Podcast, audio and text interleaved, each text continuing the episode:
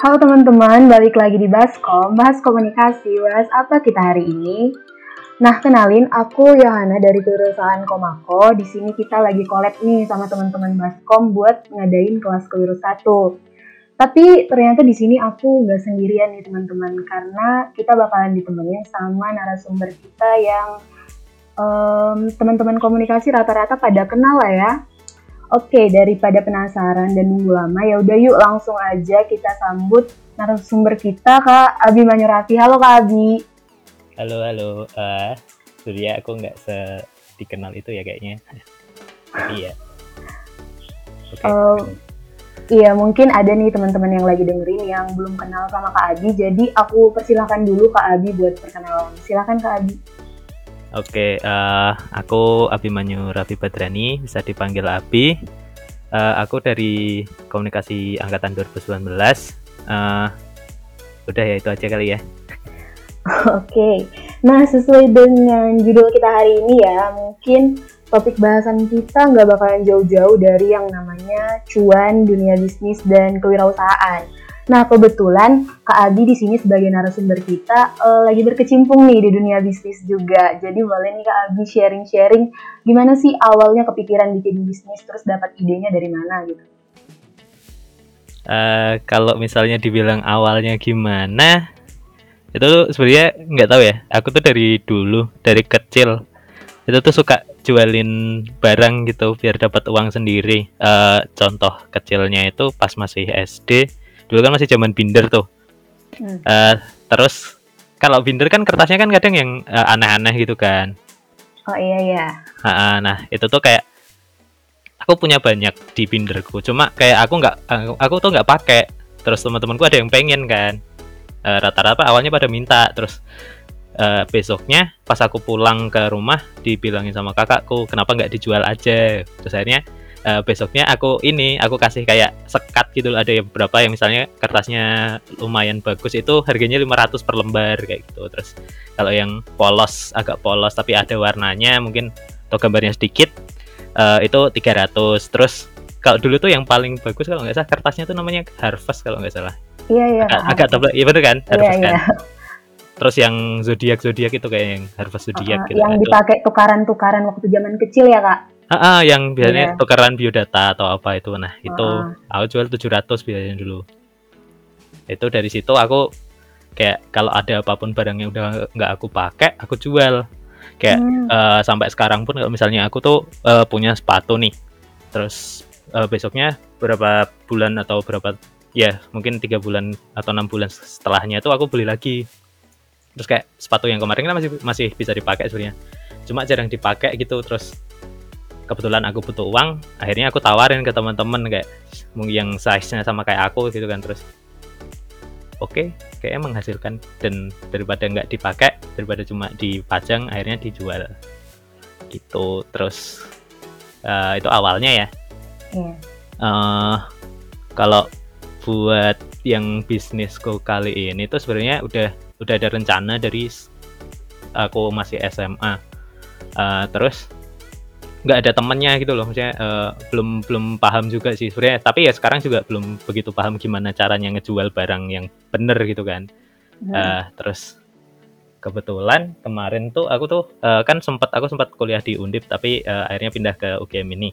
Nah pas di Undip aku tuh uh, ambil jurusannya D3 manajemen sampai akhirnya aku kan pindah ke UGM nah terus pas di situ tuh aku ketemu satu orang yang dia tuh kayak interestnya tuh sama gitu kayak suka kaos yang grafiktis gitu. Terus akhirnya kayak uh, kita berdua juga suka ngedesain atau paling enggak kita tahu lah desain yang uh, lagi happening di masyarakat gitu kan. Terus dari situ aku sama temanku tuh kayak ngide gitu loh.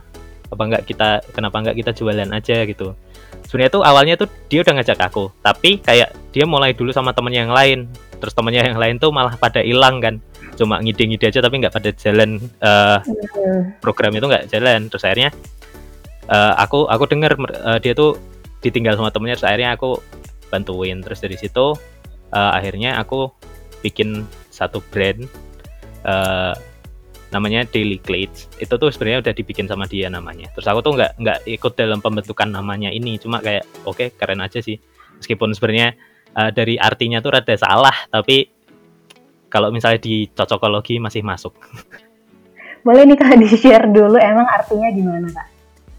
Uh, sebenarnya itu kayak aku lupa dari bahasa mana Eropa antara Italia atau Prancis gitu. Terus art artinya itu uh, jadi tuh awalnya kan dari bahasa Indonesiain dulu terus ke bahasa asingnya ini. Terus mm -hmm. awalnya tuh pengennya tuh uh, pengennya itu artinya uh, baju formal yang bisa dipakai sehari-hari jadi kayak daily outfits gitu loh okay. nah ternyata daily clothes ini clothes ini artinya itu kalau misalnya dari clothes ke Indonesia itu artinya gaun jadi kayak oke okay, gaun oh. kayak gaun jadi agak kurang nyambung gitu padahal kakak jualnya uh, kaos uh. iya makanya kan terus akhirnya uh, dicocokologiin kayak uh, karena gaun itu sebenarnya pakaian formal dan indah akhirnya uh, mungkin di di cocokologinya kayak uh, pakaian sehari-hari meskipun pakaian sehari-hari tapi nilainya sama kayak pakaian formal.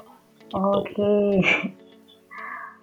Um, jadi emang dari kecil udah punya niat di dunia kewirausahaan gitu ya kak? Dari kecil udah punya jiwa-jiwa bisnis gitu ya? Keren banget. Semacam itu ya, karena butuh uang sebenarnya. Mau mikir okay. kayak gitu. Um, jadi ini kan Kak Abi lagi jalanin semester 4 ya Kak? Mm -hmm. Benar. Nah, sebagai mahasiswa semester 4 yang agak yang gak agak sih, yang lumayan aktif juga berorganisasi. Uh, jadi aku mau nanya nih, gimana sih cara kakak ngebagi waktu antara kuliah, organisasi, sama bisnis yang sekarang ini? Uh, sebenarnya kalau pas uh, masih di Undip itu kan masih bisa ketemu ya. Kadang masih ngobrolin soal uh, mungkin aku juga ikut ke tempat vendornya buat pesan ini itu. Tapi sekarang kan karena jauh-jauhan awalnya kan aku baru masuk UGM terus dia masih di Undip di Semarang terus kayak uh, rada overwhelmed juga sih sebenarnya. Aku bingung gimana ngekomunikasiinnya.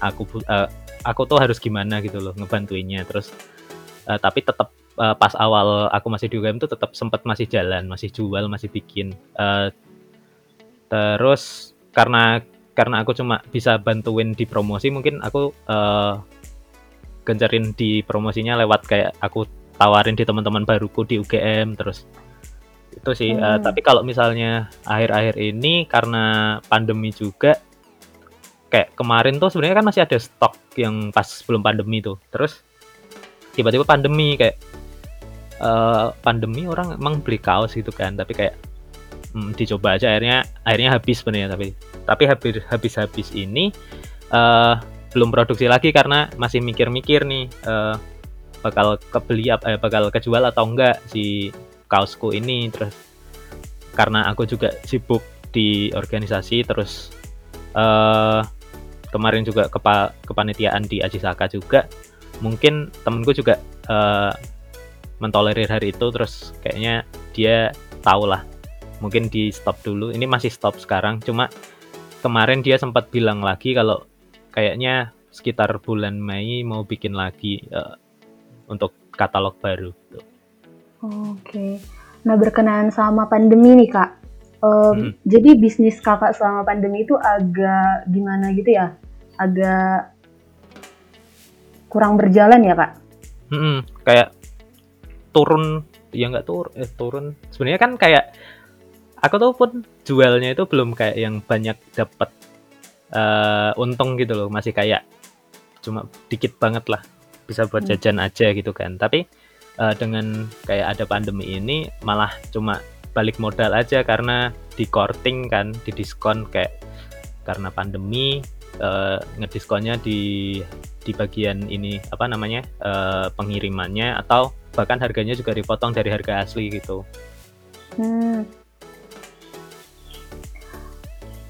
Um, terus ini nih kak, kira-kira menurut kakak ini kan emang kalau pandemi lebih banyak kekurangannya ya kak mungkin kalau buat dunia bisnis. Tapi hmm. menurut kakak ada nggak kira-kira kelebihan dari masa pandemi ke dunia bisnis menurut kakak pribadi?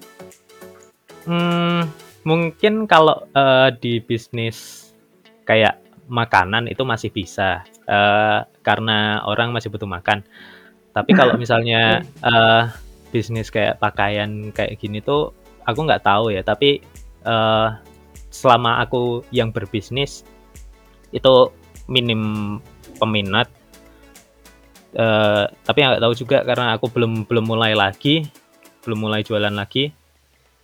Jadi aku nggak tahu sebenarnya tuh beneran beneran ini apa beneran ngefek ke pendapatan atau enggak soalnya kalau aku lihat di uh, apa di internet atau di Instagram gitu tuh masih banyak yang ini kayak mungkin brand-brand baru terus mereka juga melakukan sesuatu uh, yang bisa membuat kaos mereka tuh tetap dibeli gitu uh, mungkin kayak mengubah packagingnya atau kampanyenya mereka yang uh, kadang disamain di di apa digabungin sama isu-isu yang ada di masyarakat kayak gitu biasanya. Hmm. Ya mungkin uh, karena aku juga belum paham juga gimana cara promosi yang bener kan. Aku karena masih belajar juga kan ini di komunikasi, makanya aku ambil peminatan iklan juga sih biar tahu nih. Tapi okay. ya semoga beneran tahu. Oke, balik lagi ke bisnis nih kan. Nah, yang namanya bisnis kan pasti ada proses perputarannya gitu kan. Jadi aku mau ki mau nanya nih, kira-kira gimana sih perputaran bisnis Kak Abi sejauh ini kayak misalnya dari tahap desain ke vendor itu gimana prosesnya? Hmm. Oke, okay, uh, eh, karena ini cuma dua orang, jadi cuma dua kepala. Sebenarnya itu uh, aku sama temanku bikin kan karena kita punya interest yang sama. Cuma kadang tuh uh, ada beberapa ego masing-masing yang uh, susah untuk dijadiin satu di desain kaos ini terus kayak pas awal itu juga yang desain tuh kebanyakan temanku karena aku belum se belum sebisa itu buat ngedesain gitu loh cuma aku tahu konsep gitu kan terus uh, beberapa desain ada yang dia yang mikir ada yang aku yang mikir akhirnya kayak gitu terus udah desainnya udah dibikin uh, dimasukin ke vendor kadang tuh di pas di vendornya kayak uh, karena harga sablon itu beda-beda kan ya. Kalau misalnya dengan tingkat jumlah warna yang sedikit sama yang banyak tuh mahalan yang banyak warna kan jelas kan. Iya, iya. Nah, kadang tuh desain yang aku bikin pertama kali itu yang banyak warnanya. Dengan uh, apa? Sablon yang aku pengen sama temenku pengen ini kadang nggak masuk gitu loh kayak terlalu mahal atau sebenarnya susah nih kalau misalnya desainnya kayak gini dipakai sablon kayak gini kayak gitu.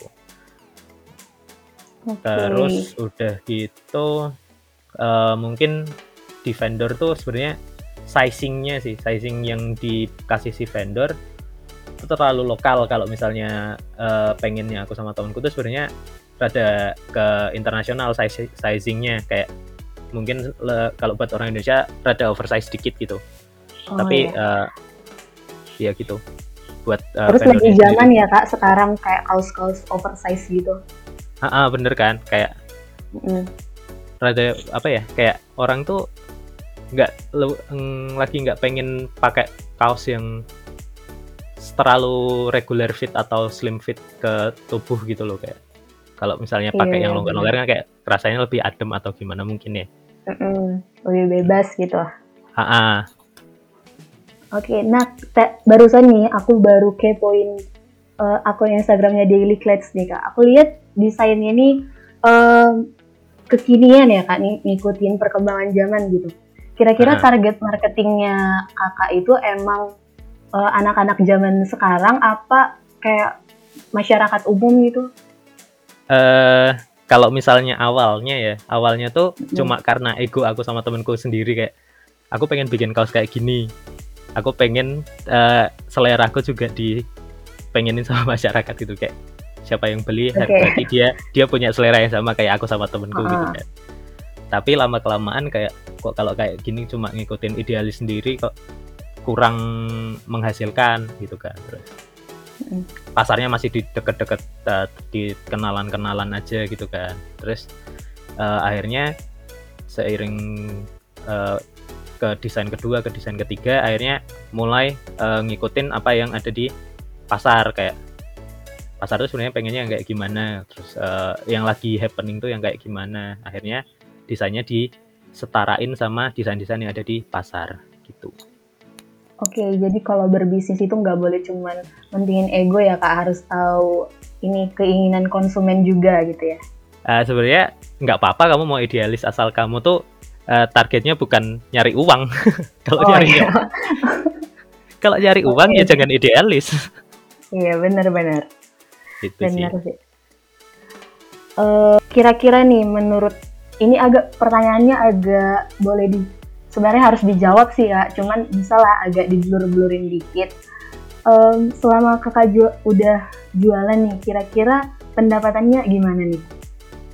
Hmm uh, tadi kan aku udah nyinggung dikit ya kayak cuma yeah. berapa persen atau seenggaknya uh -uh. bisa buat jajan gitu kan. Uh, kalau misalnya dihitung-hitung kan sekali produksi itu sekitar 1 sampai 2 lusin per per ininya ya per apa per desain gitu. Terus kayak dari model sampai dapat hasilnya itu mungkin pendapatan bersihnya sekitar uh, berapa ya? Aku lupa kan. Agak di kira-kira pun nggak apa-apa kak. Kayak uh, sekitar mungkin uh, nggak nyampe 50 persen mungkin di di atas 20 persen. Ya yeah, keuntungannya di atas 20 persen gitu? Mm -mm. 20 persen lebih dikit mungkin. Oke. Okay. nah uh, yang namanya jualan itu pasti ada promosinya ya kak. Kayak kakak bagian promosi gitu. Kira-kira hmm. menurut kakak media yang paling cocok buat promosi itu sebenarnya apa sih? Yang lebih cocok itu kayak uh, apakah media sosial kah? Atau dari mulut ke mulut kah? Gimana? Uh, kalau aku lebih suka mix sih sebenarnya kayak selain dari media sosial di promosiinnya uh, aku juga sama temenku mencoba buat uh, jual itu dari mulut ke mulut terus uh, biar kayak mungkin pertama uh, ngenalin dulu ke teman-teman sebenarnya kayak kalian lagi pengen beli kaos gak beli dong lah kayak gitu misalnya -huh. itu kayak promosi promosi gampangnya ya kayak yeah, iya. bantuin lah bantuin lah gitu oh, tapi sebenarnya kayak danusan ya kak ah, uh, kayak danusan kayak terus tapi sebenarnya itu kayak aku pernah denger dari uh, salah satu kenalanku. Aku tuh uh, pas sampai di Jogja ketemu orang yang dia tuh udah ini udah apa uh, brandnya dia tuh udah udah lumayan gede lah di Jogja terus uh, apa namanya dia tuh bilang kalau misalnya dia tuh awalnya malah nggak kenalin ke teman-temannya langsung ke pasar yang gede gitu loh. Jadi kayak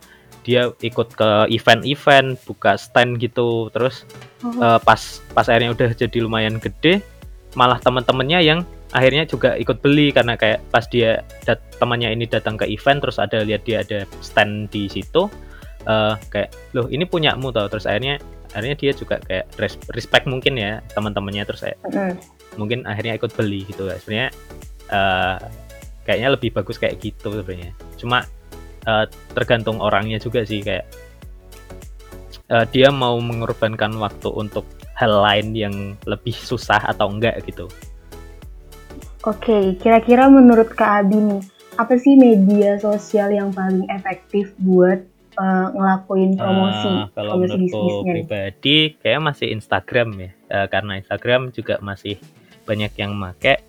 Uh, terus di Instagram itu juga sekarang kan ada fitur si Instagram Shopping dan promotion yang dari Instagramnya sendiri kayak dari story atau postingan itu bisa dipromosiin lewat uh, bantuan Instagram terus uh, selain dari mm. Instagram mungkin media sosial lain tuh kayak uh, si TikTok ini ya kan TikTok lagi banyak dipakai nih mulai dari pandemi awal sampai sekarang tuh masih kayak yeah. banyak yang jualan juga di situ akhirnya kayak banyak yang di endorse bahkan orang yang di, yang endorse endorser ini tuh nge endorse nya uh, ngepromosinya lewat TikTok.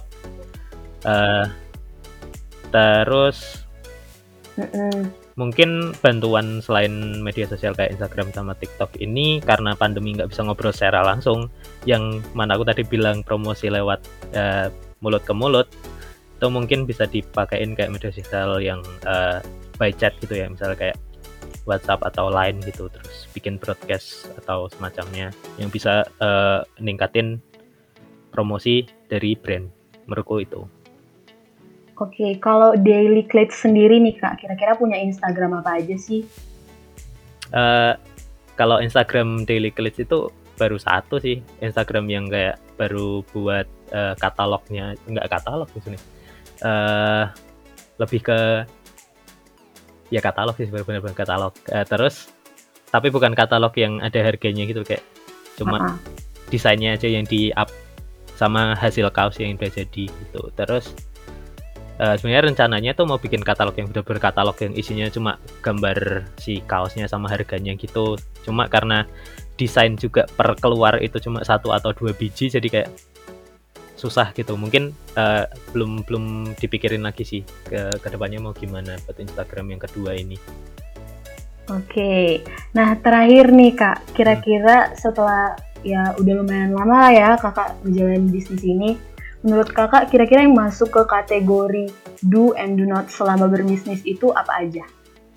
Uh, yang pertama jelas jangan gampang nyerah kalau misalnya usaha apa pun uh, pasti awalnya tuh ada gagal di bagian mungkin produksi ataupun penjualannya. Uh, terus jangan tadi yang aku bilang jangan uh, kalau misalnya jualan mau nyari uang itu jangan terlalu idealis. Idealis boleh tapi yang uh, sewajarnya aja gitu. Uh, tetap mentingin kebutuhan konsumen.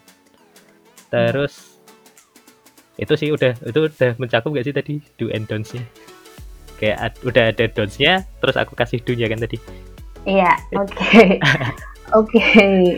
Jadi kita dari tadi udah bahas banyak banget ya kak. Mm-hmm. Uh, mungkin teman-teman di sini juga udah ada nih yang pengen atau udah mulai kepikiran pengen uh, mulai bisnis juga. Uh, buat teman-teman yang ada unek-unek nih atau pertanyaan tentang dunia kewirausahaan, boleh banget tanyain ke kita biar nanti bisa kita bahas di kelas kewirausahaan selanjutnya. Atau kalian bisa langsung DM juga ke akun Instagram kita di @nercimerco Terus kalau teman-teman di sini ada yang tertarik pengen beli kaos nih dari Kak Abi, boleh banget kontak Kak Abinya langsung atau cek di Instagram at ya Kak? Iya bener banget tuh. Okay. Tunggu aja desain selanjutnya dibeli dong, jangan enggak karena aku butuh uang. Oke, okay, dengerin itu teman-teman. Oke, mungkin sekian dulu ngobrol-ngobrol kita di kelas kewirus kali ini. Aku mau ngucapin makasih buat Kak Abi yang udah mau ngeluangin waktunya buat sharing sama kita teman-teman di sini. Makasih Kak Abi. Iya, sama-sama. Uh, dan buat teman-teman juga jangan lupa terus pantengin podcast Baskom karena di sini kita bakal bahas hal-hal yang terus seru. Bye bye.